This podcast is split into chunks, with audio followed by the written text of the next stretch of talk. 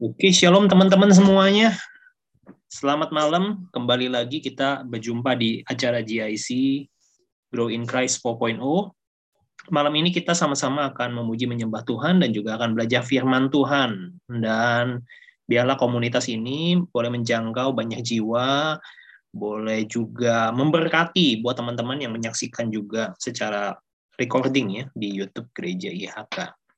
Baik, Uh, oh iya, untuk informasi JIC ini diadakan setiap hari Selasa pukul 19.30. Jadi setiap setengah delapan malam, teman-teman bagi yang mau bergabung langsung bisa mengikuti link Zoom ya. Nanti bisa minta link Zoom-nya ke saya. Baik, kita akan memulai acara JIC kita malam hari ini. Namun sebelumnya saya boleh minta Cilusi untuk berdoa. Cilusi, silahkan bisa berdoa. Oke. Uh, kedengaran Kak Koven? Kedengaran, Ci. Oh, ya udah. Oke, mari kita bersatu di dalam doa. Terima kasih Tuhan Yesus untuk malam hari ini kami kembali berkumpul di GIC uh, biarlah apa pun yang kami lakukan malam hari ini boleh menyenangkan hatimu Tuhan. Sekali lagi Tuhan kami minta pertolonganmu, tuntunanmu, urapanmu buat hamba-hambamu yang melayani mengambil bagian malam hari ini. Biar kami sama-sama diberkati oleh Engkau Tuhan. Ambil alih GIC kami malam hari ini dari awal, pertengahan hingga pada akhirnya semua kami serahkan ke dalam tangan Tuhan. Kami akan buka ibadah GIC kami malam hari ini hanya di dalam nama Tuhan Yesus. Haleluya. Amin. Baik, terima kasih Cilusi. Selanjutnya saya berikan ke Ko Hendri, Su Hendri. Silakan Ko Hendri. Ya, mari sama-sama kita memuji Tuhan. Haleluya.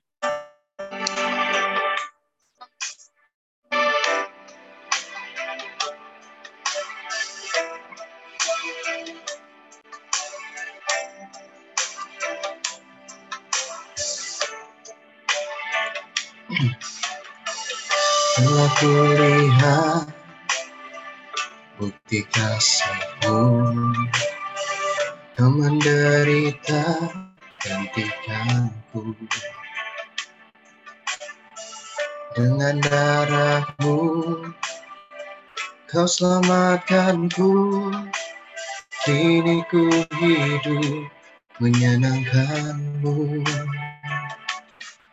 Terlalu besar kasihmu Bapa pengorbanan yang kau berikan bagiku.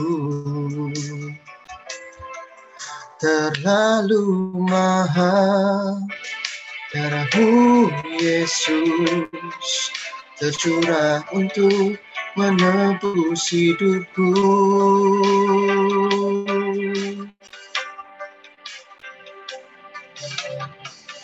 telah kulihat bukti kasihmu. Kau menderita gantikanku. Dengan darahmu Kau selamatkanku. Kini ku hidup menyenangkanmu terlalu besar. Kasihmu Bapa pengorbanan yang kau berikan bagiku. Terlalu mahal darahmu Yesus. Tercurah untuk menebus hidupku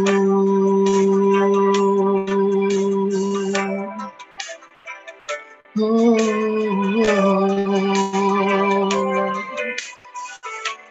kasih Yesus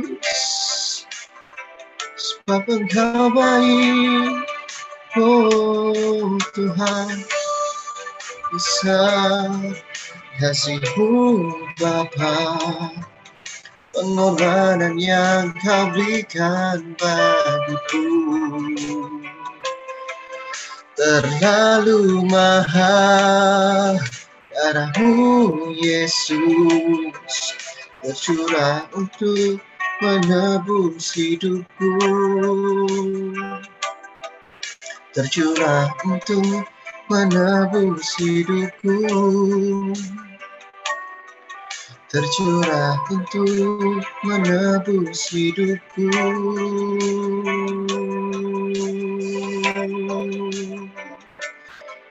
Oh, Engkau baik Yesus.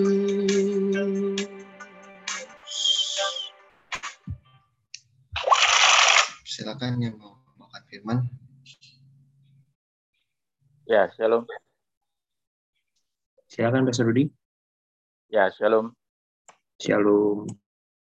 Ya, sebelum kita memasuki lebih dalam lagi di dalam kebenaran firman Tuhan, mari kita tundukkan kepala. Bapak yang baik, sungguh kami bersyukur buat malam hari ini. Tuhan sudah memberikan kami kekuatan, Tuhan sudah memberikan kami kesehatan. Kami percaya setiap benih firman Tuhan yang hambamu sharingkan pada malam hari ini boleh menjadi anugerah yang besar, boleh menjadi satu urapan di mana kami mau belajar bersama, kami mau merendahkan hati, dan kami mau lebih mengenal lagi siapa pribadi Yesus itu. Ketika kami mengerti, kami akan percaya. Percaya kami akan menjadikan satu iman, satu loncatan di mana kami mengenal Tuhan yang hidup, yaitu Yesus Kristus. Terima kasih Bapak, Tuhan berkati kebenaran firman ini di dalam nama Tuhan Yesus Kristus. Haleluya. Amin. ya, shalom. Ya, pada malam hari ini kita boleh belajar bersama di mana beberapa minggu ke belakang kita sudah belajar bersama bagaimana Allah itu, bagaimana Yesus Kristus itu, siapa Tuhan kita. Ketika ketika kita mempunyai iman, ketika kita percaya dan kita mau melakukan. Kita percaya dan kita setia dan kita pasti mengenal Tuhan bukan dari kata orang, tetapi dari kebenaran firman Tuhan yang kita pelajari beberapa minggu ini. Di pada malam hari ini judul firman Tuhannya yaitu Allah. Allah. Allah itu adalah Tuhan. Tuhan itu adalah pribadi, satu pribadi di mana dia memberkati kita dia menyelamatkan kita, dia memberikan kita kekuatan dan kuasa. Ketika kita mau datang kepada Tuhan yang hidup, yaitu pribadi Yesus Kristus, maka dia akan menyambut kita sebagai anak-anak terang, anak-anak perjanjian, di mana kuasa Tuhan akan dinyatakan bagi setiap kita yang mau percaya bahwa Yesus adalah Tuhan. Ya, tujuan kedatangan Tuhan Yesus ke dunia, saya percaya pada malam hari ini kita yang menyaksikan Jom di pada malam hari ini sudah banyak dan mengenal siapa pribadi Yesus Kristus. Dan kita pada malam hari ini kita boleh belajar bersama bagaimana pribadi Tuhan menjadi bagian di dalam kehidupan kita. Ketika kita tinggal di dalam Tuhan, maka kita pasti berbuah, berbuah banyak semuanya untuk kemuliaan Tuhan Yesus Kristus. Yang pertama yaitu menunjukkan pribadi Allah kepada manusia. Saya percayalah kita semua mengerti ketika Tuhan memberikan putranya yang tunggal, yaitu Yesus Kristus, untuk menunjukkan kasihnya kepada kita. Sebelum firman Tuhan ini, ya kita mungkin minggu lalu kita mendengar siapa Allah itu, bagaimana pribadi Allah, bagaimana dia menjadi manusia. Semua yang kita dengar di minggu lalu kita tahu bahwa Allah 100% adalah manusia dan manusia itu adalah Allah. Ketika Tuhan menjadi manusia, dia merasakan apa yang kita rasakan. Dia mengerti apa yang kita inginkan. Saya percaya pada malam hari ini kita adalah semua anak-anak Tuhan yang setia dan mau belajar bersama untuk lebih mengenal siapa Yesus Kristus. Yesus menunjukkan kasihnya di dalam 1 Yohanes 4 ayat ayat 9. Dalam hal inilah kasih Allah dinyatakan di tengah-tengah kita, yaitu bahwa Allah telah mengutus anaknya yang tunggal ke dalam dunia supaya kita yang percaya mempunyai hidup di dalam hidupnya. Ketika kita percaya Tuhan bahwa Dia sebagai juru selamat kita, maka kita di dalam pribadi kita kita punya hidup, hidup bersama dengan Tuhan Yesus Kristus. Kita bisa punya kuasa bagaimana kita bisa menyembuhkan, bagaimana kita bisa berdoa, bagaimana caranya kita menghasilkan kuasa dan mujizat di dalam kehidupan kita. Karena Yesus ada di dalam pribadi kita. Kita ada di dalam pribadi Yesus Kristus. Tuhan sanggup membangkitkan orang mati. pasti ketika kita punya iman yang teguh, iman yang sungguh-sungguh, kita pun pasti bisa belajar untuk mendoakan.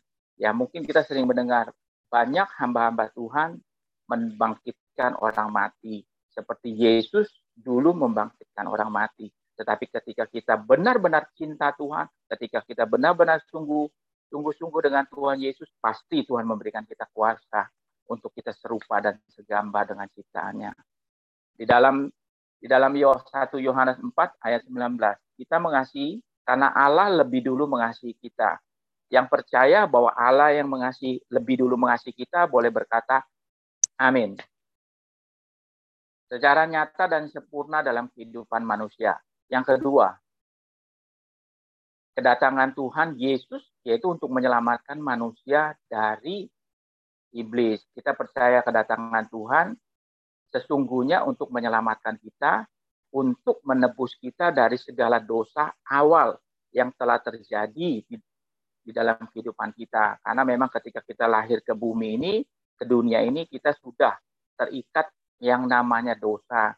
Karena dosa itu seperti menjalar, kutuk itu menjalar. Ketika kita sudah mengenal Tuhan, ketika kita hidup di dalam pertobatan, ketika kita menerima Yesus dan dan dibaptis, maka segala kuasa, segala kutuk atau segala dosa telah diselesaikan di atas kayu salib.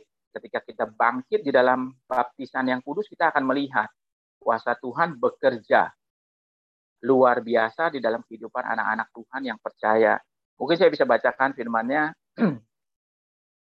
Sebab anak anak manusia datang untuk mencari dan menyelamatkan.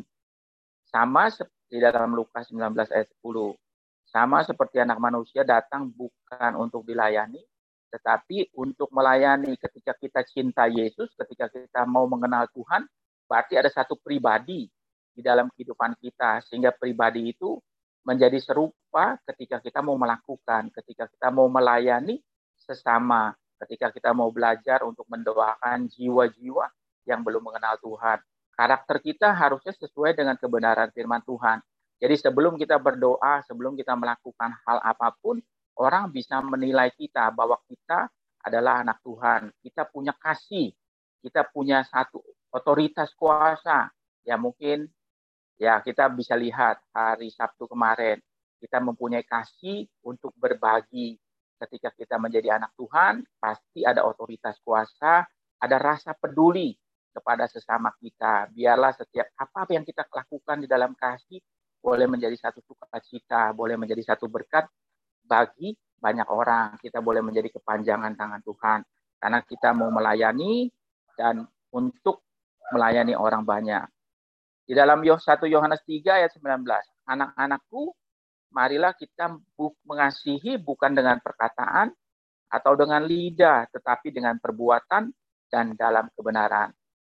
Ketika Tuhan Yesus ada di dalam kita, marilah kita melakukan perbuatan perbuatan di dalam Tuhan. Perbuatan di dalam Tuhan itu sebenarnya seharusnya nyata bagi kita anak-anak Tuhan yang mau lebih mengenal Tuhan, ketika kita mengenal dengan ketika kita mengenal intim dengan Tuhan, pasti roh Tuhan ada bersama dengan kita. Ketika kita mau melakukan satu hal yang tidak baik, ketika kita mau melakukan kesalahan, ada Roh Kudus yang menuntun untuk kita melakukan kebenaran dan biarlah kebenaran itu untuk memuliakan Tuhan Yesus Kristus.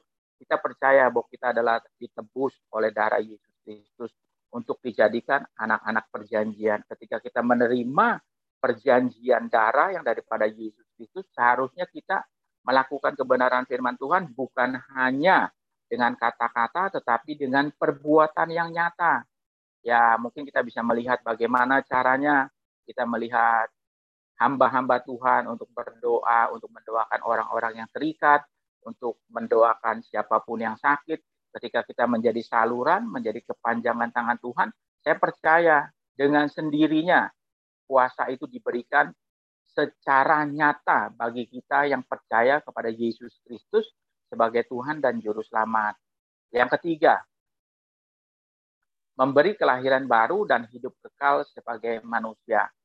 Kita percayalah semua yang pada malam hari ini kita telah menerima Tuhan Yesus sebagai Juru Selamat dengan satu tanda, yaitu kita telah dibaptis, kita hidup di dalam pergaulan intim dengan Tuhan, di dalam Zoom pada malam hari ini, yaitu untuk membangun iman kita ketika kita hidup di dalam keintiman dengan Tuhan, dengan sendirinya bersama dengan orang-orang percaya, kita akan melihat iman kita menjadi iman yang bertumbuh, menjadi iman yang bertumbuh di dalam kebenaran firman Tuhan, dan kita dapat menelaah apa yang baik atau apa yang tidak baik apa yang kita kerjakan, apa yang harus kita lakukan, kita akan mengerti bahwa Tuhan adalah kekuatan dalam hidup kita, maka kita akan melakukan satu hal yang baik di mana Tuhan Yesus sudah memberi contoh yang baik buat setiap kita anak-anak Tuhan. Tuhan mau mendoakan orang dan kita pun juga mau belajar untuk mendoakan orang. Tuhan mau berbagi di dalam kasih dan anugerahnya, kita pun mulai belajar untuk berbagi dan di dalam kasih anugerahnya. Kita menjadi contoh terang. Ketika kita menjadi terang, tidak mungkin terang itu ditaruh di bawah di kolong ranjang, tetapi terang itu harus bercahaya. Ketika kita menjadi cahaya di dalam kehidupan dunia ini, maka akan orang melihat kemuliaan Tuhan nyata. Di dalam firman Tuhannya di dalam Yohanes 1 ayat 12. Tetapi semua orang yang menerimanya diberi kuasa. Kita adalah orang percaya, kita mempunyai kuasa di dalam otoritas Tuhan, bahwa kita lah ada anak-anak Allah, yaitu percaya di dalam nama Tuhan Yesus Kristus. Dan yang ke firman Tuhannya di dalam 1 Yohanes 3 ayat 1 sampai 2. Lihatlah betapa besarnya kasih yang dikaruniakan Bapa kepada kita sehingga kita disebut anak-anak Allah. Dan memang kita adalah anak-anak Allah karena itu dunia tidak mengenal kita. Sebab dunia mengenal dia. Saudara-saudaraku yang kekasih, sekarang kita adalah anak-anak Allah, tetapi belum nyata. Apa keadaan kita kelak? Akan tetapi kita tahu bahwa apabila Kristus menyatakan dirinya, kita akan menjadi sama seperti dia, seperti kita akan melihat dia dalam keadaan yang sebenarnya. Ketika kita percaya bahwa Yesus maka kita disebut anak-anak Allah.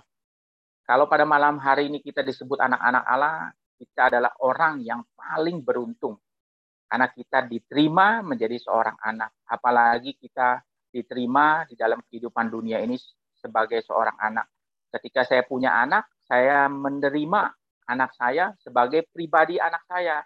Ketika anak saya sakit, pasti saya merasakan satu rasa duka cita. Tetapi ketika anak saya suka cita, berarti saya pun suka cita. Bapak yang di dunia memberikan Bapak yang di dunia aja memberikan yang terbaik buat anak-anaknya. Terlebih lagi kita punya Yesus Kristus. Dia pasti memberikan kita yang terbaik. Dari apa yang belum pernah kita pikirkan, dia memberikan kita yang spesial, yaitu kita adalah anak-anak Allah. Semuanya pasti bangga ketika kita otoritas kita disebut di depan nama nama kita yaitu Rudi anak Tuhan Yesus Kristus.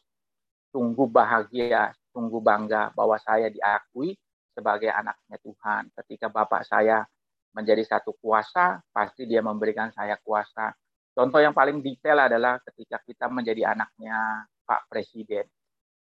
Satu hal kita pasti mendapat satu hak istimewa, ke mana pun kita melangkah, pasti kita berjalan, kita pasti dikawal. Sama seperti Bapak di, di seperti Yesus Kristus. Ketika kita diakui sebagai anak, pasti kita ada otoritas. Kita otoritasnya itu kita diberi kuasa, diberi pengawalan yang ekstra, ke mana pun kita berjalan, ke mana pun kita melangkah, Tuhan sudah memberkati kita, Tuhan sudah menjaga dan melindungi kita. Mungkin kita sering dengar di firman Tuhan ini yang sering saya dengar yaitu Tuhan memberikan kita kuasa untuk menginjak ular dan kalajengking. Itulah satu kuasa yang memang Tuhan berikan ketika kita menjadi anak-anak Allah. Tuhan memberikan kita kuasa, Tuhan memberikan kita otoritas, bagaimana caranya kita memperkatakan berkat, sehingga berkat itu menjadi bagian di dalam kehidupan kita.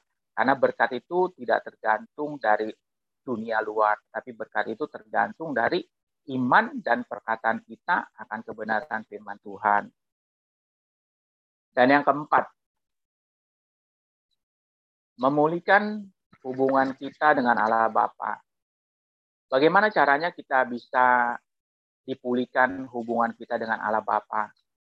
Ya, mungkin kita sering mendengar di mana Tuhan Yesus dia Tuhan sebagai manusia mati di atas kayu salib dan setiap tetes darahnya itu yang membuktikan bahwa kita ingin hidup bersama dengan Tuhan dan dipulihkan oleh darah Yesus Kristus. Tirai ruang maha suci yang terbelah saat Yesus mati di atas kayu salib menjadi tanda terbukanya kembali hubungan yang tertutup antara manusia dengan Allah Bapa di dalam 1 Yohanes 1 dalam 1 Yohanes 1 ayat 3. Saudara-saudaraku yang terkasih, 1 Yohanes 1 1 Yohanes 1 ayat 3. Apa yang telah kami lihat dan apa yang telah kami dengar, kami beritakan kepada kamu juga, supaya kamu pun beroleh persekutuan dengan kami, dan persekutuan kami adalah persekutuan dengan Bapa dan dengan anaknya Yesus Kristus. Ketika kita menjadi satu, mempunyai hubungan dengan Bapa di surga, kita bisa melihat otoritas Tuhan, apakah otoritas itu Tuhan terjadi ketika kita sungguh-sungguh, maka otoritas itu menjadi bagian di dalam kehidupan kita karena kita mempunyai hubungan, hubungan yang telah diperdamaikan oleh darah Yesus Kristus. Mungkin yang paling sering kita dengar ini ketika kita setiap bulan kita mengadakan satu ucapan syukur kita di dalam tubuh dan darah Yesus Kristus. Saya percaya ketika kita mengangkat tubuh tubuh Yesus Kristus, kita sedang mengimani bahwa tubuh Tuhan manunggal dengan tubuh kita. Ketika kita mengerti apa artinya perjamuan kudus, apa itu darah Yesus Kristus, maka kita dengan sendirinya akan dibentuk dibentuk untuk kita tinggal di dalam Bapa dan Bapa tinggal di dalam kita dan kita tinggal di dalam pribadi Yesus dan Yesus tinggal di dalam pribadi kita. Ketika kita benar-benar percaya bahwa di dalam perjamuan kudus itu ada kuasa, maka akan digenapi di dalam setiap kehidupan kita anak-anak Tuhan bahwa kita telah dipulihkan bukan karena kita hebat tetapi karena darah Yesus Kristus anaknya yang tunggal yang menjadi satu bagian di dalam kehidupan kita yaitu darah Yesus adalah di dalam tubuh Yesus itu ada kehidupan, di dalam darah Yesus itu ada kebangkitan. Siapa pun juga ketika kita mengenal Tuhan seutuhnya dan sesungguhnya, maka kehidupan kita, iman kita dibangkitkan. Kita diberikan otoritas sebagai anak-anak Tuhan, kita diberikan kuasa yang dahsyat dan luar biasa. Karena hubungan kita telah dipulihkan dengan Allah Bapa. Saya percayalah banyak dari kita lebih paham dan lebih mengerti apa artinya hubungan yang dipulihkan. Ketika hubungan kita dipulihkan, pasti rasanya ada satu sukacita, sukacita yang luar biasa. Ketika kita hidup baru di dalam pertobatan, ada satu rasa bahwa ada rasa itu yang memang tidak dapat dinilai atau tidak dapat diukur dengan kata-kata, tetapi kita dapat menikmati bahwa kita telah menjadi anak, bahwa kita telah diberikan kuasa, sehingga apa yang kita telah diberikan itu tidak sia-sia di dalam kehidupan kita. Mungkin di dalam tuntunan hari lepas harinya, mungkin kita bisa melihat kita setelah diperdamaikan, mungkin hari ini kita ada beban, ada masalah yang besar. Tetapi ketika kita mengerti bahwa otoritas Tuhan terjadi di dalam kehidupan kita, kita punya kuasa, kita punya perkataan yang baik, kita punya firman Tuhan sebagai pedang roh, maka kita tidak akan takut menghadapi keadaan keadaan hari lepas hari. Kita percaya bahwa kita adalah anak, pasti yang namanya anak dispesialkan. Anak kita bukan anak gampangan, tetapi anak yang telah ditebus oleh darah Yesus Kristus. Kita telah dipulihkan hubungan kita dengan Tuhan dan kita akan melihat apa yang telah dipulihkan oleh Tuhan menjadi satu bagian di dalam kehidupan kita. Apa yang telah hilang di masa lalu, Tuhan sanggup kirimkan balik pada masa-masa kita saat ini ketika kita mengerti apa arti pemulihan, apa yang telah diperbaiki Tuhan. Yang terpenting adalah kita mau mengkoreksi diri kita sehingga apa yang kita koreksi menjadi satu bagian dalam kebenaran firman Tuhan. Tuhan tidak akan memberikan segala berkatnya secara cuma-cuma, tetapi Tuhan mau memberikan berkatnya ketika kita punya iman, kita punya ketaatan, kita mau melakukan firman Tuhan, kita mau mengerjakan kebenaran firman Tuhan, maka kita akan melihat bahwa kita adalah orang yang benar-benar dipulihkan Tuhan. Ketika kita dipulihkan Tuhan, pikiran kita tidak akan pernah sama dengan pikiran sebelum kita mengenal Tuhan. Tetapi pikiran kita adalah pikiran Kristus. Ketika kita melakukan pikiran Kristus, saya percaya hidup kita pasti dituntun oleh Allah Roh Kudus. Mungkin banyak kebenaran firman Tuhan yang kita telah dengar. Bagaimana bangsa Israel keluar dipimpin oleh Tuhan. Kita akan melihat ketika dia marah-marah, Tuhannya stop. Ketika berkatnya stop. Tetapi ketika bangsa Israel setia, taat kepada Tuhan, berkatnya tercurah. Ketika kita taat kepada Tuhan, apa yang mau Tuhan taruh, kita melangkah bersama dengan Tuhan, kita akan melihat kuasa. Ketika Tuhan berkata stop, kita tetap stop dan setia melakukan kebenaran firman Tuhan, kita akan melihat urapan Tuhan nyata di dalam setiap kehidupan kita.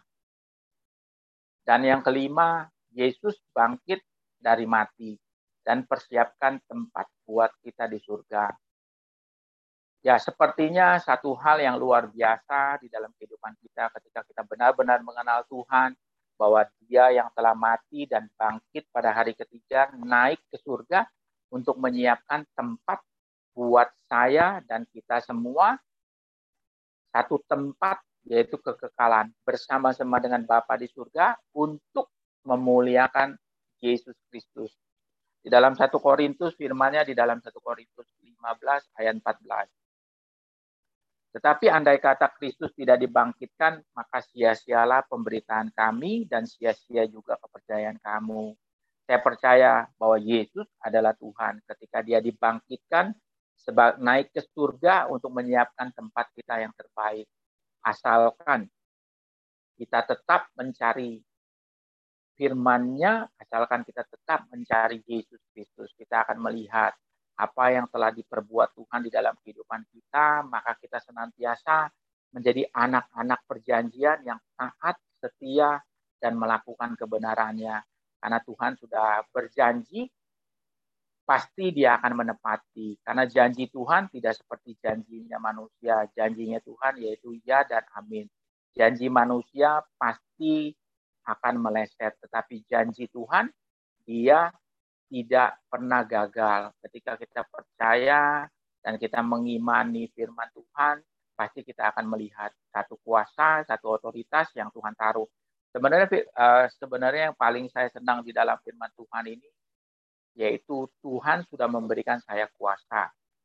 Ketika kita mengerti apa arti kuasa, kita pasti percaya kita menjadi orang yang otoritas, mempunyai otoritas yang luar biasa. Tuhan tidak mencari hal-hal yang aneh-aneh di dalam kehidupan setiap keluarga. Tuhan mencari satu pribadi yang kita punya, yaitu iman percaya kita ketika kita punya iman percaya kita bahwa Yesus telah bangkit dan mati, pasti kita percaya bahwa kuasa kebangkitannya dapat membangkitkan kematian kematian di dalam hal kesakitan, kematian di dalam berkat, kita bisa memperkatakan ya seperti Pastor Fendi lah bilang, berkat yang terbaik adalah ketika kita percaya kepada Yesus Kristus dan berkat itu dialirkan dari empat mata penjuru dari barat, timur, utara, selatan. Ketika kita benar mengenal intim dengan Tuhan Yesus, ketika kita mau mengenal Tuhan, pasti kita akan melihat kuasa Tuhan. Marilah kita belajar dari kebenaran firman Tuhan seperti Ayub. Bukan dari kata orang, tetapi kita harus mengalami Tuhan. Kita harus melihat Tuhan dari kacamata kita. Jadi kita belajar dari kita belajar mengenal Tuhan bukan dari kata orang, tetapi dari kebenaran firman Tuhan. Ketika kita intim di dalam kebenaran firman Tuhan yang kita renungkan dan kita kerjakan, serta kita kita lakukan, kita akan melihat ada banyak hal-hal ajaib yang Tuhan perbuat sepanjang kita melakukan kebenaran firman Tuhan. Mungkin saya suka membaca firman Tuhan. Saya sering membaca tetapi saya tidak paham. Tetapi saya tetap setia membaca kebenaran firman Tuhan. Walaupun hari lepas hari pasti banyak tantangan. Tetapi ketika saya membaca dan ketika saya belum mengerti, tetapi ada saatnya kebenaran firman Tuhan itu akan mengungkapkan bahwa hari ini apa yang kita kerjakan belum tentu semuanya sesuai dengan keinginan Tuhan. Yang Tuhan mau, saya tetap setia melakukan kebenaran firman Tuhan. Yang Tuhan mau, saya melakukan saja. Di dalam saya merenungkan firman Tuhan dengan sendirinya. Allah Roh Kudus akan mencelikan mata rohani kita. Kita akan melihat bahwa sesungguhnya sepanjang hari ini saya ada di dalam tuntunan kuasa Tuhan, ada di dalam rel kebenaran firman Tuhan, kita akan mendapatkan satu hal yang luar biasa, yaitu damainya dan sejahteranya diberikan bagi kita yang percaya kepada Yesus Kristus. Ya, karena dia telah bangkit untuk memberikan kita kuasa. Dan setianya ia pergi mempersiapkan rumah di surga untuk kita. Ya, saya baca firman Tuhannya di dalam Ibrani 10 ayat 19 sampai dengan 22. Jadi saudara-saudara, oleh darah Yesus, darah Yesus kita, kita sekarang penuh keberanian dapat masuk ke dalam tempat kudus. Ya, kita percaya oleh karena darah Yesus Kristus yang telah kita terima menyatu dengan tubuh dan darah kita, kita berani menghampiri tempat kudusnya Tuhan. Ya, bagi kita ketika kita mau berjumpa dengan orang penting pasti kita mempersiapkan satu persiapan yang matang sama seperti ketika kita mau berjumpa dengan Tuhan. Kita harus mempersiapkan, mempersiapkan hati, mempersiapkan pikiran, mempersiapkan ucapan syukur. Karena kita mau bertemu raja di atas segala raja. Karena ia telah membukakan jalan yang baru dan yang hidup bagi kita melalui tabir, yaitu dirinya sendiri. Dan kita mempunyai seorang imam besar. Kita percaya ketika kita hidup di dalam ketaatan, pasti kita dituntun oleh kebenaran firman Tuhan yaitu Yesus Kristus dan telah diberikan satu penolong yaitu Roh Kudus. Ketika kita berjalan pasti kita dituntun oleh Roh Kudus. Ketika kita mau melakukan satu pelanggaran pasti ada satu satu perisai yang menghalangi yang menghalangi kita melakukan perbuatan yang tidak baik yaitu Roh Kudus. Karena Roh Kudus itu dapat didengar secara detail asalkan kita mau membaca kebenaran firman Tuhan, asalkan kita mau tetap setia. Karena Roh Kudus itu lemah lembut, Roh Kudus itu seperti GPS. Ketika kita berjalan di dalam tuntunan GPS, kita akan melihat GPS itu tertib, sama seperti Roh Kudus. GPS itu tertib. Ketika kita diperintahkan jalan lurus, kita akan tetap lurus dan GPS itu stop dia tidak berbicara. Ketika pas sampai titiknya dia bilang ke kiri, dia baru berbicara.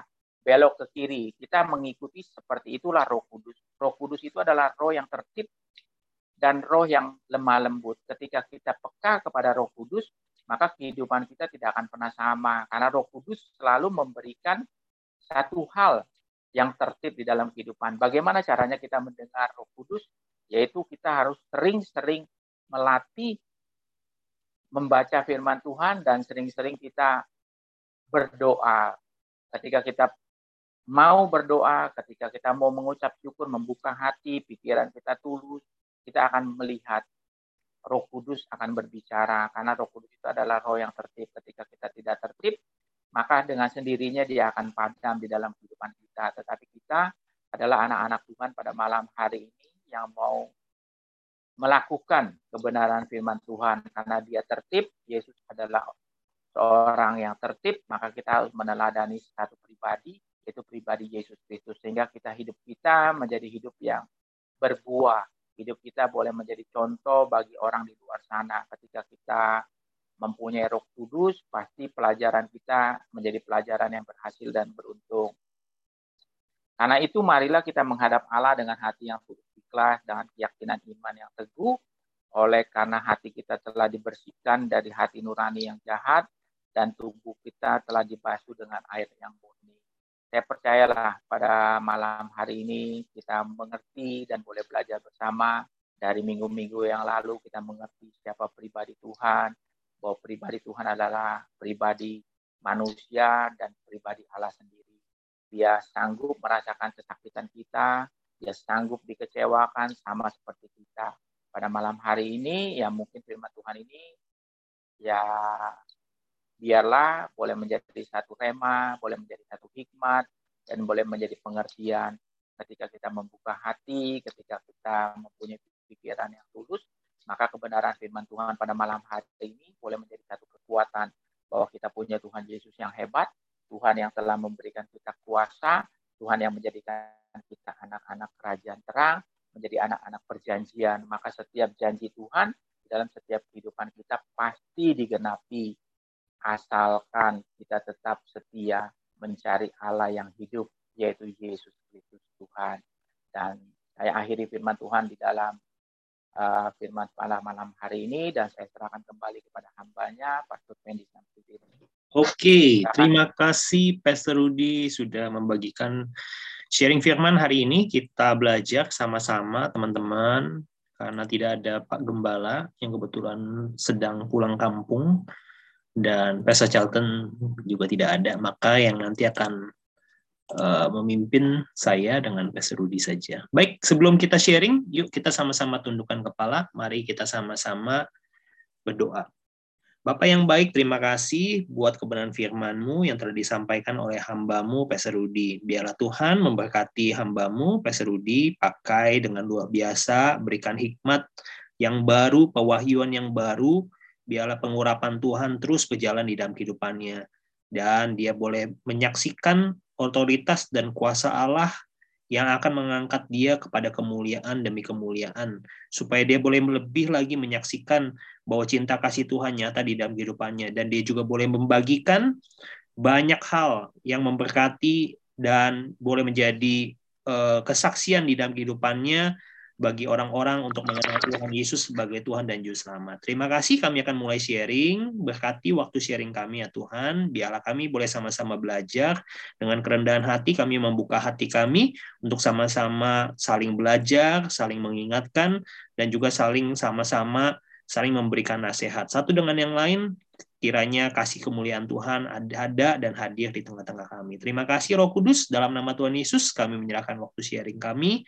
Haleluya. Amin. Amin. Amin. Oke, saya akan buka waktu sharingnya buat teman-teman. Silahkan kalau ada yang mau bertanya tentang tadi ya yang disampaikan oleh Pastor Rudi, karena mungkin Pastor Rudi tadi ada lima poin banyak sekali, nggak apa-apa bisa satu-satu. Ya mungkin mau bertanya kenapa Tuhan datang ke dunia, tadi kan sudah dijelasin ya, ada lima lima tujuan ya. Salah satunya tadi menyatakan kasih, menyembuhkan uh, kita yang sakit, menyelamatkan manusia, memberikan kelahiran baru, hidup kekal, kemudian memulihkan hubungan, dan mempersiapkan tempat di surga.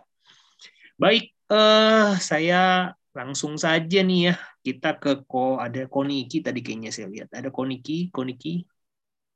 Ya hadir Kopen. ya shalom Koniki. Ya gimana Koniki? Ada yang mau ditanyakan atau ada yang mau di-sharingkan nggak hmm. melulu tentang ini ya. Tadi kita karena dari beberapa minggu sudah membahas tentang Tuhan ya banyak banget tentang Tuhan Yesus tentunya dan hari ini kita belajar tentang sesuatu hal yang baru tujuan dia datang ke dunia.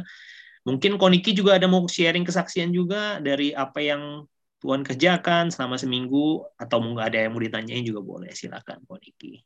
Saya nggak ada yang mau ditanyain sih. Okay. Um, bukan sharing, cuman saya mau minta didoain kok Fendi. Saya okay. sih ada ada sedikit sharing. Uh. Uh, jadi minggu ini saya ada gesekan kan sama istri saya gitu. Jadi okay. terus juga banyak-banyak cobaan juga gitu kan. Mbak uh, apa uh, Mbak saya masuk rumah sakit. Oh, terus yeah. uh, kerjaan di kantor uh, apa namanya keteteran. Hektik ya. Iya, jadi aduh capek banget dan saya juga tadi masuknya agak telat Iya, karena iya, baru iya. sampai jadi nggak ini. Cuman saya uh, cuma mau share, uh, sharing dan minta didoain.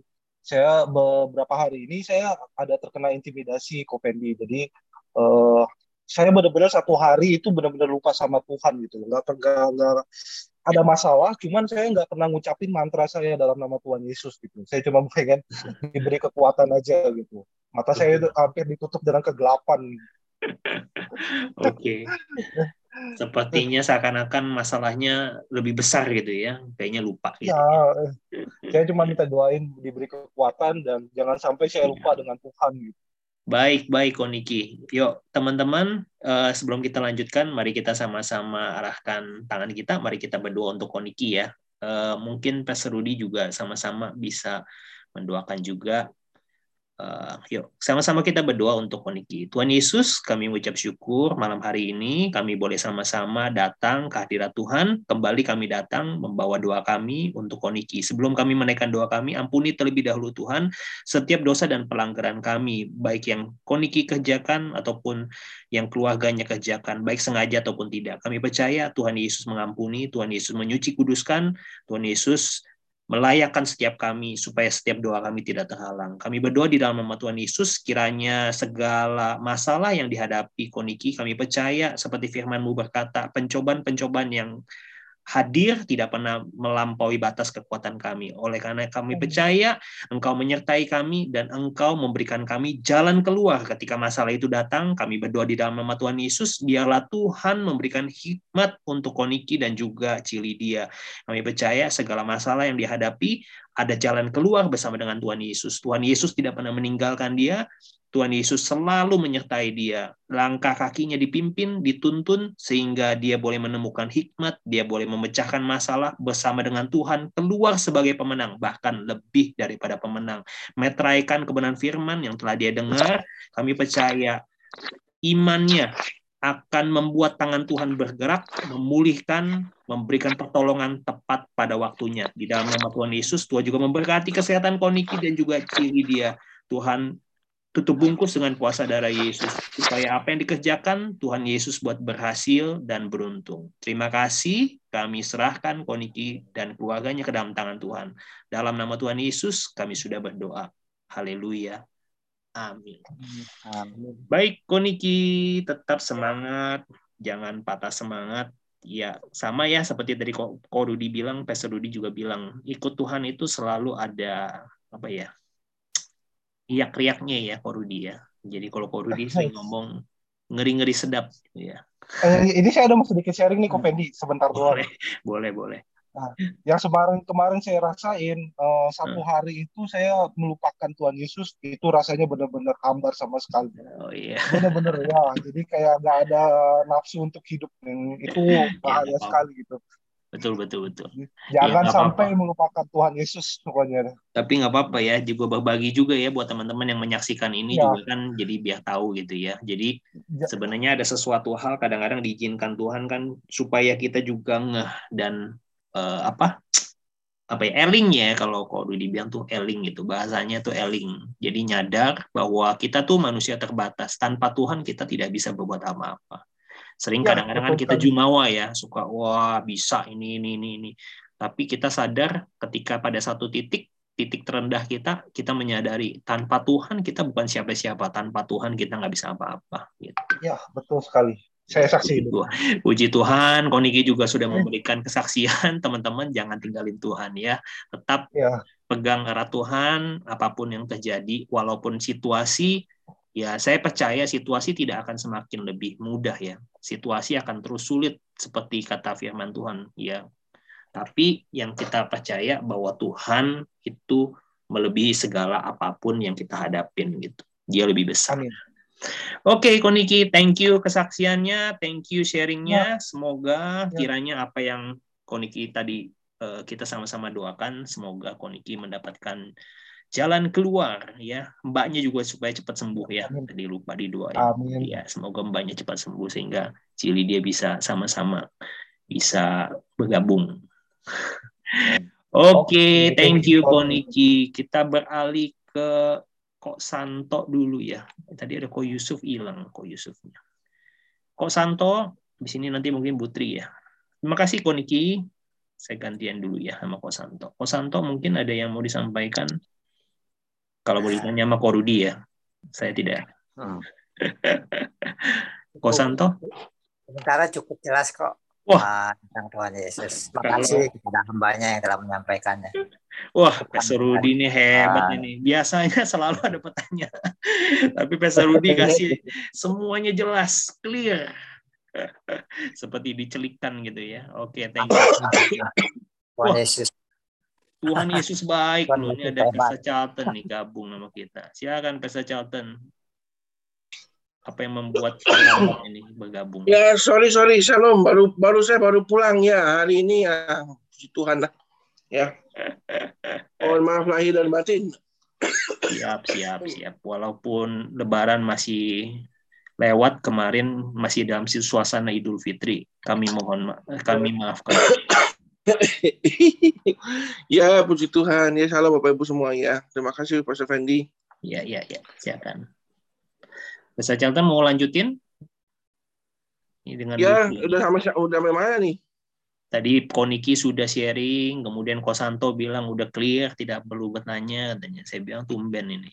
Berarti hambanya menjelaskan dengan clear. Wah iya memang Pak Rudi itu punya karunia yang luar biasa itu. Ibu Tri mungkin kita beralih kepada yang wanita ya Bu Tri dan Bu Gem nih. Bentar lagi sama Bu Usi. Bu Tri. Halo Bu Tri. Halo Mbak Sersakan, Pak oh, Fendi. Ya, shalom, shalom. Gimana Putri? Ada yang mau di-sharingkan, ada yang mau ditanyakan, ada yang juga mau disampaikan mungkin. Ya, penjelasannya dari Pastor ini memang sudah sudah jelas ya karena uh, tujuan kedatangan Tuhan itu memang kita karena sudah sering baca firman Tuhan dan sering mengikuti pencerahan juga jadi kita ngerti ya. Cuman uh, mungkin ada teman-teman yang belum tahu juga kita nanya sedikit aja. Mungkin juga saya sudah tahu jawabannya teman mungkin kalau ada masukan yang lebih baru lagi kan alangkah baiknya nih. Saya mau nanya yang poin kedua itu yang tujuan Tuhan datang ke dunia untuk menyelamatkan kita dari iblis. Nah itu kenapa tujuan Tuhan itu tapi kenapa Tuhan izinkan iblis itu menguasai kita menggoda kita gitu itu sih pertanyaan saya makasih oh iya Ya, Putri, memang bukannya Tuhan mengizinkan, Bu, tapi keputusan untuk apa? Untuk mau bagaimana dan bagaimana itu kan sebenarnya kan keputusan kita. Itu kan diberikan dalam kehendak bebas itu. Jadi memang kehendak bebas itu dihormati sekali oleh Tuhan. Nah, tapi dalam kapasitas menyelamatkan diri sendiri nggak bisa gitu. Nah, dalam perjanjian lama itu kan dalam perjanjian lama uh, manusia tidak bisa uh, menyelamatkan dosanya uh, apa tidak bisa menghapuskan dosanya karena uh, ciptaan tidak mungkin bisa menutupi dosa ciptaan ya kan makanya dibutuhkan kehadiran sang pencipta itu untuk mati menyelamatkan ciptaannya.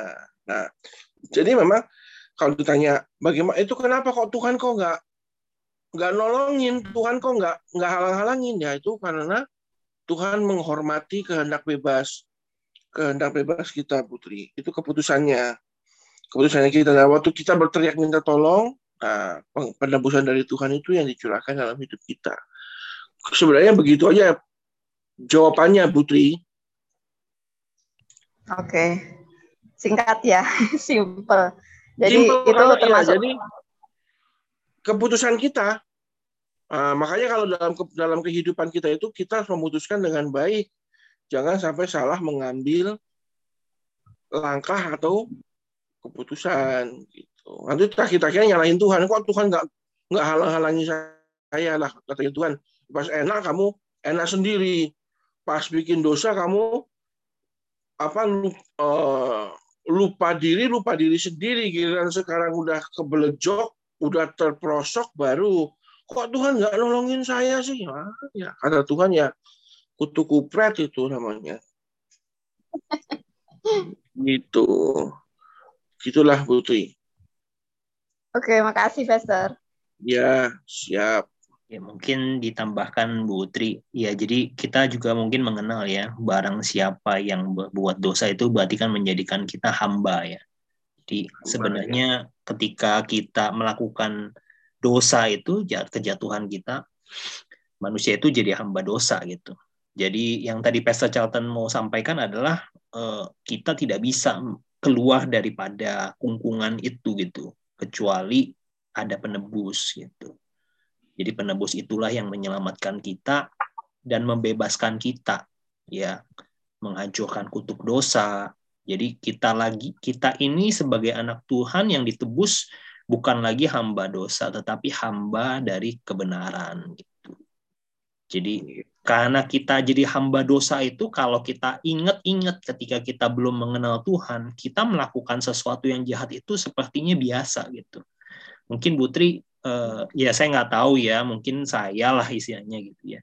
Kalau kita uh, di dalam sebuah lingkungan yang uh, buruk gitu ya, dosa gitu melakukan dosa itu menjadi sebuah kebiasaan, kita melihat bahwa itu hal biasa gitu Padahal kita tahu bahwa dosa itu tidak menyenangkan nama Tuhan gitu. Di mata Tuhan itu tidak menyenangkan. Jadi ketika kita jadi hamba dosa, kita akibatnya apa? Kita melakukan perbuatan-perbuatan yang tidak menyenangkan, yang tidak menyenangkan di hadapan Tuhan tentunya gitu. Jadi eh, kalau di clarified aja sih ya yang tadi yang dikatakan ya, ya, ya, apa ya, menyelamatkan ya. manusia dari iblis itu sebenarnya dari Eh, perbuatan-perbuatan iblis. Jadi perbuatan-perbuatan iblis itu adalah perbuatan-perbuatan yang eh, jauh dari apa yang menjadi kehendak Tuhan, apa yang menjadi eh, kesukaannya Tuhan. Justru kalau kita apa ya istilahnya berbuat sesuatu yang kebalikannya, artinya kan kita kan melakukan sesuatu yang tidak menyenangkan Tuhan. Gitu. Kira-kira seperti itu, Butri, biar menambahkan Pastor Charlton Selain yeah. tentunya ada free will-nya ya. Tentu kita uh, sebagai anak Tuhan pun yang sudah dimerdekakan pun, yang sudah mengenal kebenaran, bisa saja ya tadi yang seperti Pastor Charlton bilang, bisa saja ya kita maksudnya sebagai anak Tuhan tuh jatuh ke dalam dosa gitu. Tapi bedanya kan ada kita ada conscience, kita ada uh, pengingat gitu. Roh Kudus akan senantiasa mengingatkan kita gitu, menginsafkan kita juga dari dosa mengakui setiap dosa dan pelanggaran kita di hadapan Tuhan, meminta ampun dan tidak mengulangi lagi gitu. Kalau yang iya. mendua gimana, Pastor? Mendua apa tuh maksudnya? mendua, maksudnya jadi kayak orang Farisi gitu loh, mendua. Mendua jadi kita, seperti kita, orang Farisi. Tuhan juga. Kita oh. kenal Tuhan juga, cuman kita tetap tetap nggak ngerti jalan dia tuh melakukan dosa atau enggak tuh nggak ngerti gitu gimana Kalau itu, saya mungkin uh, mengambil apa yang disampaikan oleh Pastor Charlton ya minggu kemarin. Jadi uh, kebenaran dan kasih itu harusnya berjalan beriringan, Bu. Jadi orang yang mengenal kebenaran tetapi tidak mengenal kasih maka seperti orang Farisi gitu. Jadi sepertinya kita lebih judgmental, jadi lebih suka menghakimi orang gitu. Iya. Kalau Kira mungkin seperti itu ya, mungkin Pastor Jatan bisa menyempurnakan. Kalau kalau kita ngomong dalam terminologi dosa atau tidak ya, Bu. Orang Farisi itu sangat tidak berbuat dosa loh, Bu. Iya, emang. Ya, orang Farisi, orang Saduki itu tidak berbuat dosa. Tetapi yang menjadi poin salahnya dia di hadapan Tuhan adalah ah, karena dia sangat menuruti hukum Taurat, dia berpikir dia lebih tinggi daripada manusia lain. Oh, itu salah. Dia jadi meng, apa? menunjukkan bahwa saya hebat. No, itu di situlah dosanya di situ. Waktu dia berpikir bahwa dia itu hebat, itu seperti Lucifer, Bu. Jadi sombong dia. Ah, sombong rohani itu apakah dosa? Wah, itu dosa pertama malah. Gitu. Jadi dalam kapasitas mendua hati seperti apa eh, yang tadi Ibu Tri katakan orang Farisi maupun Saduki bagaimana mereka itu hebat. Loh itu mereka memang tidak berbuat dosa Bu. Mereka sangat menjaga hidup mereka. Tapi jangan lupa rupanya ada kalau kata kalimatnya palsu Paulus hati-hati sebab iblis sedang mengintip di depan pintu mencari celah. Nah akhirnya celahnya itu apa? Kesombongan itu jadi selama hidup di luar eh, apa namanya kasih karunia Kristus, pada akhirnya kita akan selalu memiliki ke, memiliki apa memiliki eh, celah yang bisa digunakan oleh si iblis karena pemahamannya itu nggak dapat. Tapi kalau kita ngomong soal bagaimana kerohanian, wah kita nggak ada yang bisa nggak ada bisa ngalahin orang Farisi dan Saduki lah, mereka hebat lah. Iya, gitu. iya. Oke. Mm-mm. Terima kasih atas penjelasannya. Siap, siap. Tuhan berkati. Ya, Tuhan berkati. Shalom. Shalom Bugem, nah ini tinggal Bugem nih. Bugem mana nih?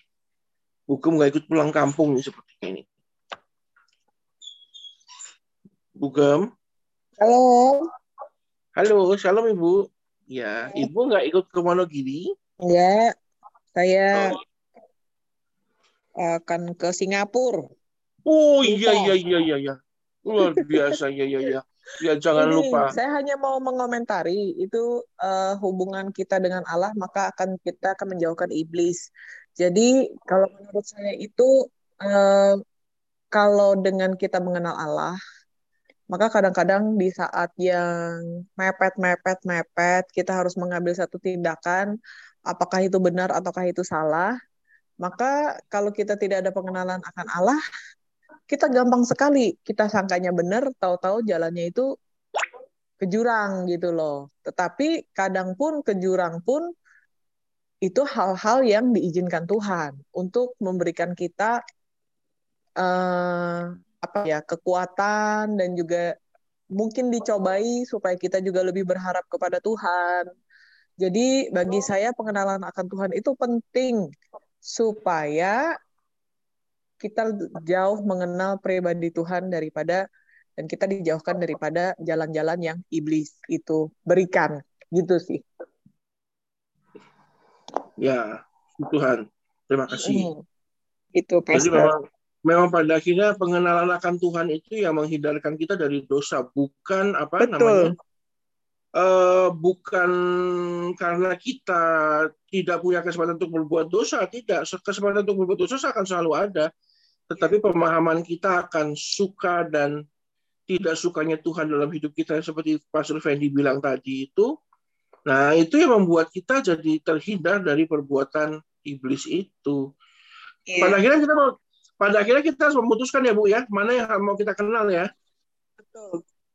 Iya harus memutuskan pihak mana yang mau kita mau kita kenal pihak mana yang mau kita pilih itu pilihan di tangan kita Bapak Ibu semua. Jadi memang pada akhirnya juga Tuhan datang sebagai pembanding gitu loh. Waktu hidup penuh dengan dosa, hidup penuh dengan cengkeraman iblis, akhirnya Tuhan Yesus datang lahir ke dunia sebagai opsi. Oke, okay, ada setan nih, tapi ada juga saya. Nah, kalian mau pilih yang mana? Nah, akhirnya Tuhan datang menunjukkan kuasanya, menunjukkan pribadi Allah, uh, menjadi komparasi. Kamu biasanya ikut iblis, kali ini ada saya. Kira-kira mau pilih yang mana? Hmm. Kayak lagi pacaran aja ya, Bu. Yeah. Banyak cowok A, B, C. Pada akhirnya kita memutuskan kepada siapa kita akan melabuhkan hati kita. Wah, kurang lebih kayak gitu ya, Bapak Ibu semua. Keputusan di tangan kita. Jadi jangan sampai kita salah memutuskan Puji Tuhan. Makasih. Ya. Thank you. Puji Tuhan. Ya, memang ikut Tuhan Yesus itu kalau dipikir pakai akal sehat itu nggak masuk akal. Karena Tuhan kita itu ya ajaib, tapi ya kalau kita mau selamat dunia akhirat ya memang harus ikut Tuhan yang supranatural dan ajaib itu. Nah, sudah dijelaskan semua oleh Pastor Rudi Wijaya tadi kan bagaimana kedatangan Tuhan Yesus itu membawa beberapa apa tujuan luar biasa. Ya mari kita ikuti semua itu supaya jadi pegangan dalam hidup kita. Bulusi Shalom Bulusi Shalom. Wah ya puji Tuhan. Bulusi bagaimana menanggapi firman Tuhan yang disampaikan oleh Pastor Rudi uh, apa ya udah sangat jelas sih firman Tuhannya Koru di malam ini. Uh, uh, ada yang mengganjal? Kenapa? Putus-putus soalnya. ada yang mengganjal nggak? Ada yang mau ditanyakan? Ada oh, yang ada enggak. yang udah cukup jelas sekali. Khotbah Korudi, serinya uh, Butri sama Ibu Gembala udah jadi saya nggak ada mau menambahkan dan nggak ada pertanyaan. Oke, terima kasih. Memang Pak Surudi ini luar biasa ya. Kita berikan aplaus ya, puji Tuhan. Uh, Bapak Ibu mengikuti Tuhan itu banyak manfaatnya daripada apa tidaknya ya uh, diajarkan oleh agama Muslim oleh agama Islam bahwa apabila melakukan sesuatu itu dihitung baik buruknya nah, ini saya belajar betul itu ya apakah lebih banyak mudorotnya mudorotnya itu apakah lebih banyak uh, masalahnya atau lebih banyak uh, kebaikannya atau lebih banyak keburukannya. Nah, kita perlu menimbang. Pada akhirnya datanglah pribadi Tuhan Yesus yang luar biasa. Memberikan kepada kita, kalau kita ikut dia itu ya bukannya buruknya, malah semuanya itu baik. Ya, pada akhirnya kita harus mengambil sikap. Nah, hari ini bagaimana sikap kita di hadapan Tuhan? Uh, kita harus memilih. Pastor Fendi, Pastor Henry udah belum nih? Pak Henry Giovanni oh, ini. Belum, belum. Wah, sebagai penutup kita malam hari ini, Bapak Henry Giovanni. Ya. Shalom. Shalom, Pak. Ya, puji Tuhan. Shalom, Pak. Bagaimana, Pak? Suara saya uh, kedengeran ya?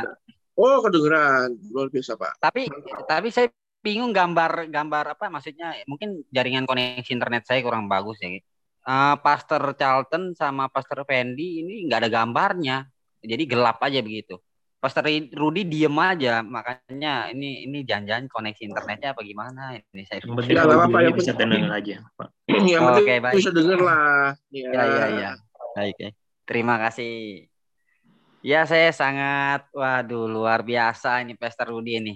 Apa penjelasannya luar biasa dan saya juga uh, masuk ya memang uh, saya itu juga Pak maksudnya gimana ya dahulu kan saya kan bukan pengikut Kristus ya, paham ya. juga uh, hmm. jadi gini uh, semakin kita deket sama Tuhan kita itu semakin pengen mengenal pribadinya yaitu pengenalan pribadi kita jadi semakin lama semakin berubah semakin berubah semakin berubah Contoh dalam hal uh, ya mungkin kalau kemarin iya apa saya kemarin lah pada tahu lah ya tentang saya ya kemarin ya yang saya tiba-tiba itu kan kayak gitu. Saya saya juga uh, karena sudah ter uh, dahulu itu yang seperti itu tuh membuat saya jadi rasa takut loh sebelum kenal Tuhan loh. Maksudnya takut, bingung, bingung. Pokoknya kenapa ya, kenapa, kenapa ya tapi setelah mungkin karena sudah ter, terbiasa juga tapi saya nggak nggak bilang terbiasa tapi semenjak saya ikut Tuhan uh, rasa takut itu nggak ada. Jadi seperti ya biasa aja damai aja gitu. Uh, nggak ngerti kenapa padahal juga mungkin kalau orang-orang yang lihat saya kayaknya serem nih. Uh, mungkin ini uh, setan nih atau ini iblis nih. Uh, ya ya itu kan uh, penilaian setiap orang lah ya. Tapi buat saya gini aja aja sih kalau menurut saya gini. Yang penting itu hubungan saya sama Tuhan aja dah. Jadi penilaian saya penilaian apa terserah orang mau bilang apa, yang penting saya ngerasa saya ini udah ngerasa saya sudah semakin dekat sama Tuhan, saya udah ada rasa damai itu. Karena saya juga diberi pengertian juga waktu kemarin saya setelah sadar uh, seperti Rema ya. Saya nggak ngerti ya. Rema itu ngejelasin gini mau kamu baik atau mau jahat itu badai itu nggak bisa milih-milih orang. Bad, setiap mau kamu pengikut Tuhan atau bukan pengikut Tuhan, badai itu pasti ada. Nah, cuman ada bedanya. Waktu kamu ikut Tuhan, badainya itu yang kamu lewati itu rasanya berbeda sama kamu tidak ikut Tuhan. Jadi kayak uh, saya juga diberi pengertian seperti gini ya, kayak gini loh. Kalau kamu pengen kenal aku, kamu pengen mengalami kuasaku, kamu pengen mengalami kasihku, tapi kamu tidak mau masuk ke dalam ma apa maksudnya pergumulan atau masalah itu gimana kamu caranya ngelihat kuasaku atau gimana caranya kamu bisa ngelihat kasihku, bagaimana bisa caranya kamu bisa ngelihat mukjizat sedangkan kamu tidak ngalamin masalah dulu atau contoh orang semulan. Uh, uh, terus tiba tiba sembuh dikasih mujizat Tuhan berarti kan itu kan pengalaman pribadinya sama Tuhan sama halnya seperti yang saya alami jadi saya berpikirnya oh iya Tuhan mungkin inilah jalan jalan saya ini bakalan bisa juga nanti saya bisa berbincang sama Tuhan, puji Tuhan. Wah, itu kan harapan setiap manusia bisa berbincang langsung sama Tuhan, ketemu langsung sama Tuhan. Jadi saya pikirnya kayak istri saya agak down saya bilang kenapa? Dia bilang ah, Tuhan jelasin saya seperti ini saya jelasin saya jelasin akhirnya dia paham. Karena bukan berarti kita ikut Tuhan terus nggak ada masalah. Justru uh, kita ikut Tuhan ya masalah tetap ada cuman ada bedanya. Bedanya ya kita kayaknya kita lebih berkuasa dari masalah yang kita lalui itu aja sih. Kalau dulu kan mungkin uh, masalah ini lebih besar dibandingkan uh, saya pribadi saya. Tapi sekarang saya ngerasa masalah saya ini saya lebih besar karena saya bersama dengan pribadi ya Tuhan Yesus itu. Jadi saya berfi jadi saya nggak nggak merah uh, saya merah, intinya gini lah saya ngerasa damai itu loh. Damai itu yang yang saya bilang bahwa damai itu memang nggak bisa dibeli. Oh, susah ngejelasinnya ya. Uh, kayak contohnya gini ya, waktu kita worship atau saat kita pujian pujian penyembahan itu kan ada rasa kayak sesuatu waktu kita memuji Tuhan kan rasanya ada rasa damai kayak kehadiran Tuhan ya. Nah seperti itulah waktu kita dekat sama Tuhan saya, saya ngerasanya seperti ada kehadiran Tuhan itu damai itu nggak bisa uh, dijelasin ya. Saya juga karena itu supernatural juga seperti ya apa yang saya juga nggak bisa dijelasin. Tapi saya saya yakin uh, seperti firmannya dia yang berfirman dan firmannya ya dan amin bahwa dia akan selalu menyertai saya. Itu aja. Terima kasih buat semua teman-teman. Kalau yang masuk dalam pergumulan, ya mungkin setiap orang pasti punya pergumulannya masing-masing. Kalau saya pergumulannya seperti ini, mungkin ada yang sakit, ada yang pergumulannya di keuangan, ada pergumulannya apa. Uh, ya bukannya saya so apa, tapi saya ngerasa uh, inilah jalannya. Uh, maksudnya inilah kita dengan cara seperti inilah kita bisa melihat mujizat Tuhan atau kehebatnya kehebatan Tuhan ya kita bisa lihat dengan cara seperti ini gitu. Kalau belum ngalamin per, apa pergumulan atau masalah kita uh, bilang Tuhan hebat atau Tuhan dahsyat ya itu mungkin dari omongan aja dia karena dia nggak nggak bakal tahu bagaimana itu Tuhan hebat atau Tuhan dahsyat karena dia nggak pernah ngalamin hal itu. Maksudnya ngalamin jamahan Tuhan itu loh di saat pergumulan yang dia udah nggak sanggup itu. Terima kasih, cuma itu aja sharing saya. Terima kasih. Ya, siap. Berarti ya Bapak Ibu kita semua itu harus ya mau mengalami Tuhan ya harus bersedia juga di proses Tuhan ya, Pak Hendri ya. Ya betul kok itu. Pastor Charlton. Jadi prosesnya Tuhan taat aja dah, ikutin aja, nikmatin aja. Waduh, indahnya indahnya banget. Jadi nanti kita dapat damainya itu berbeda rasanya. Nah, udah nggak ada rasa takut lagi jadinya. Ada rasanya ah, kayaknya saya juga bingung kadang-kadang istri saya bilang lu sekarang jadi ma ag agak bingung suka senyum-senyum sendiri. Uh, maksudnya memang saya maksudnya kayak orang gila gitu dia bilang kayaknya dia bilang bukannya orang gila saya memang ngerasa ada damai itu nggak bisa dijelasin. Jadi kadang-kadang kalau istri saya lagi ngoceh dulu kan suka, suka saya balas kalau sekarang mas saya senyum senyum senyum senyum aja. Gak tahu kenapa itu juga. Saya ngerasa senang aja udah nggak ngerti juga juga. Ya itulah mungkin ya saya ngerasa bahwa Tuhan menyertai saya itu aja. Ya berarti ya Pak Hendy sudah makin dewasa karena memang masalah itu kan mendewasakan. Ya dulu juga kayak Pak Surudi, Pak Fendi juga kan nggak langsung nggak langsung tiba-tiba jadi orang yang dewasa dan orang yang apa bisa Eh, dengan tabah ya, dengan tabah dan dengan kuat itu menghadapi semuanya. Yang memang semua itu diproses, Masuk Pak Henry ya. Nanti kalau lama-lama semua hal baik itu akan apa menciptakan apa menciptakan satu kemam, kem, kemam, kemam apa bukan kemampuan tapi apa ya uh, akan menciptakan satu imunitas sendiri imunitas dalam hidup kita Pak Henry bagaimana kita itu jadi bukan nggak doyan lagi sama dosa, tapi kita jadi tahu, wah, nggak, saya nggak di situ kelasnya. Gitu. Kita jadi ngerti kelasnya kita tuh nggak nggak di situ, nggak usah mainan begituan lagi. Gitu. saya waktu ke, waktu SD itu suka nyari cupang di itu tuh di sama teman-teman tuh jadi cupang di apa di got itu lalu nanti ditaruh di botol itu dimainin. Oh sekarang udah segede gini udah nggak mainan cupang lagi, udah nggak mainan got lagi karena kan udah kelasnya udah beda gitu loh, Pak Henry. Sama juga kita dengan dosa udah udah nggak mainan lagi kita di got lagi ngumpulin cupang udah karena udah beda kelas ya karena kita sudah makin dewasa. Bukan berarti saya nggak suka mainan ikan ya, karena kita sudah makin dewasa. Nah pada akhirnya semua harus di harus di apa namanya diproses ya Pak Henry ya. Nah, untuk bisa jadi menikmati semuanya itu ya harus bersedia kita juga diproses gitu. Kayak mau bisa berenang ya eh, apa bisa bisa berenang ya harus berani nyemplung dalam air gitu. Ya kasih banyak Pak Hendri. Ini ada pertanyaan nih ya. Kalau tadi saya mengatakan kehendak bebas, mengapa Adam dan Hawa diusir dari Taman Eden? Oh, itu karena ya karena dosa lah. Kan ada dikasih perintah, jangan makan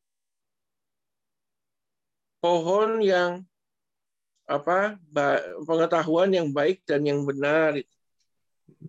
Makan Lalu, buah. Iya makan. Oh iya, tadi saya bilang apa? Pohon ya. Oh iya iya maaf. Kalau saya biasa makan, makan pohon. Pohon, togi. Ya. Uh, makan buah. Jadi diperintahkan untuk jangan makan buah. Lalu pada akhirnya dimakanlah apa buah itu. Lalu pakai ada uh, jadi dosanya itu enggak hanya dosa apa? Tidak hanya dosa ketidaktaatan ya, Pak siapa namanya? Pak Santo tapi ada juga dosa tidak mau mengakui. Itu kan si si Hawa itu menyalahkan menyalahkan ular, Adam menyalahkan Hawa. Ah udah saling salah menyalahkan.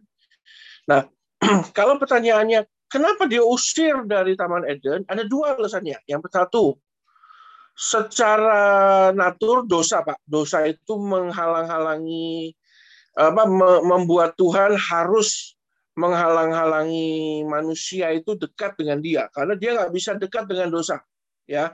Tuhan itu putih Tuhan itu suci Tuhan itu bersih. Jadi nggak boleh didekati sama dosa. Yang kedua karena menghalangi manusia yang berdosa ini untuk makan buah dari pohon kehidupan. Nah itu dia jadi harus dikeluarkan dari Taman Eden supaya dia nggak makan buah dari pohon kehidupan. Bayangkan dia um, Adam dan Hawa tinggal dalam dosa, tetapi ditambahkan kehidupan istilahnya kekal yang nggak bisa itu bahaya. Dosa itu tidak diciptakan untuk hidup dalam kekekalan jadi apakah kita nggak boleh makan buah pohon pengetahuan yang baik dan yang jahat? Pada akhirnya Tuhan akan berikan itu. Tuhan akan berikan buah itu untuk dimakan, tetapi memang Tuhan mau menguji. Jadi yang pertama, dikeluarkan dari Taman Eden karena dosa. Yang kedua, supaya dihalangi makan dari buah pohon kehidupan. Gitu loh. Pak Susanto. Berarti kehendak bebasnya terbatas loh. Kehendak bebas itu nggak terbatas Pak, tapi makanya dalam kasusnya Adam dan Hawa di Taman Eden itu sangat kasuistik Pak. Jadi bukan berarti nggak boleh apa kehendak bebasnya Tuhan uh, gini. Tuhan punya Tuhan sangat menghargai kehendak bebasnya Adam dan Hawa. Silahkan kamu mau makan pohon yang baik dan yang benar itu buahnya monggo. Tapi ya kamu karena berdosa, ya kamu nggak boleh dekat-dekat sama saya. Yang kedua alasannya itu ya karena nggak boleh dihindarkan dari makan dari buah pohon kehidupan. Jadi sangat kasuistik, Pak Santo. Sangat kasuistik itu karena Tuhan mau menghalangi dari pohon kehidupan itu itu bahaya sekali kalau sampai dia makan dari itu lagi pohon kehidupan. Nah di sinilah Tuhan intervensi karena di rumahnya dia kan Taman Eden itu kan rumahnya dia dia berhak untuk mengambil kayak misalnya saya datang ke rumahnya Pak Sul, Pak, Pak Santo ya lalu saya sudah menghabiskan makanan yang dimasak oleh istrinya Pak Santo di atas meja. Pak Santo marah toh, saya diusir. Kenapa? Supaya saya tidak menghabiskan makanan yang ada di kulkas. gitu. Jadi yang pertama makan makanan yang dimasak aja udah salah. Kalau sampai dibiarkan ini beruang kutub makan isi kulkas. Tak tendang sekalian keluar. Ini malah bahaya ini. Jadi ada dua dua dua ini dua alasan gitu Pak Santo. Pak Santo ini ya semoga Bapak Santo oh ya jadi kasuistik Pak, jangan disamakan dengan kehidupan dosa manusia pada umumnya. Itu sangat kasuistik, Tuhan menghindarkan kita dari makan pohon, buah dari pohon kehidupan. Begitu ya Bapak Ibu semuanya, nanti kita akan sampai kok ke ke apa ke nanti nanti kita akan belajar tentang hamatologi. Nah, bagaimana nanti ada dosa yang nggak diampuni, dosa yang diampuni, kesalahan, pelanggaran itu nanti kita pelajari bersama-sama. Ya. Oke, Pak Pak Surfendi, saya serahkan kembali kepada Pak Surfendi. Mohon maaf tadi saya terlambat. Ya, it's okay. Diskusi yang menarik ya hari ini tentang tujuan Kristus datang ke dunia. Ya, tadi sudah menjawab ya beberapa pertanyaan dari uh, siapa? Ko Santo dan juga Butri. Ya, berharap semuanya kita semakin diperkaya akan prinsip-prinsip kebenaran firman bahwa Tuhan datang untuk menyelamatkan. Ya, yang yang kadang-kadang juga kita perlu sadarin adalah eh, kedatangan Kristus yang kedua kali gitu ya. Ini ini kita baru bicara yang yang awal ya tentang Tuhan gitu. Nanti kita akan melanjutkan sampai kedatangan Tuhan Yesus kedua kalinya. Ya banyak orang takut sama kiamat, orang takut kedatangan Tuhan, orang takut wah kalau Tuhan Yesus datang gimana nih? Saya siap atau enggak?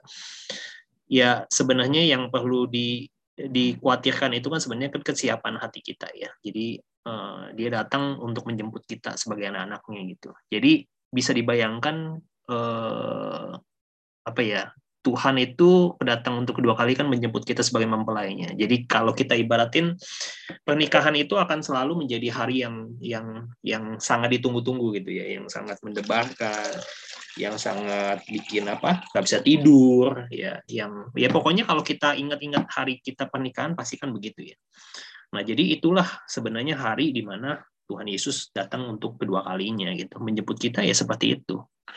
Jadi yang perlu kita persiapkan adalah hati kita gitu.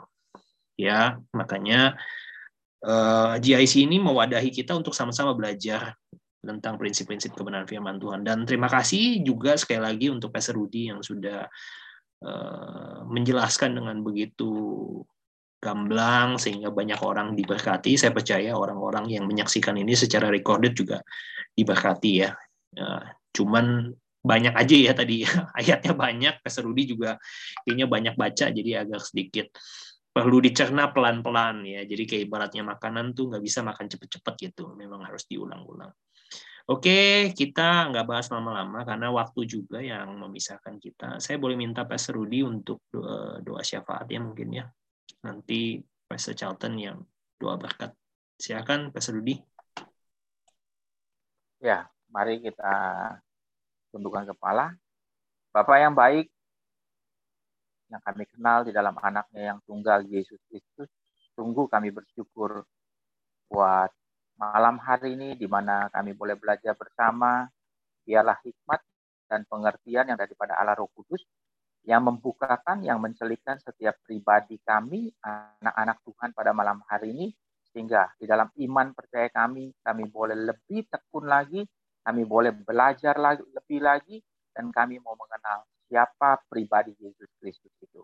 Ketika kami percaya, ketika kami memasuki masa pengenalan bersama dengan Tuhan dan mengalami Tuhan secara pribadi lepas pribadi, maka kami akan melihat otoritas kuasa Tuhan berkuasa, berdaulat di dalam setiap pribadi kami anak-anak Tuhan. Sehingga hidup kami adalah hidup hidup yang percaya akan setiap janji Tuhan sehingga hidup kami berjalan di dalam tuntunan Allah Roh Kudus sehingga kami tidak takut akan menghadapi kehidupan masa kini Karena kami percaya ketika kami berjalan di dalam tuntunan kuasa Tuhan, kami akan melihat otoritas Tuhan berkuasa dan berdaulat di dalam setiap pribadi kami. Sehingga kami boleh keluar lebih daripada pemenang. Karena kami adalah anak-anak perjanjian yang Tuhan sudah berikan. Otoritas kuasa, Tuhan sudah memberikan kami kuasa, Tuhan sudah memberikan kelimpahan, Tuhan sudah memberikan damai dan sejahteranya yang melimpah-limpah di dalam setiap pribadi kami. Kami raih janji Tuhan, karena di dalam kebenaran firman Tuhan ada kuasa, di dalam kebenaran firman Tuhan ada janji yang pasti digenapi, yaitu janjinya ya dan amin. Terima kasih Bapak untuk setiap kebenaran firman Tuhan pada malam hari ini.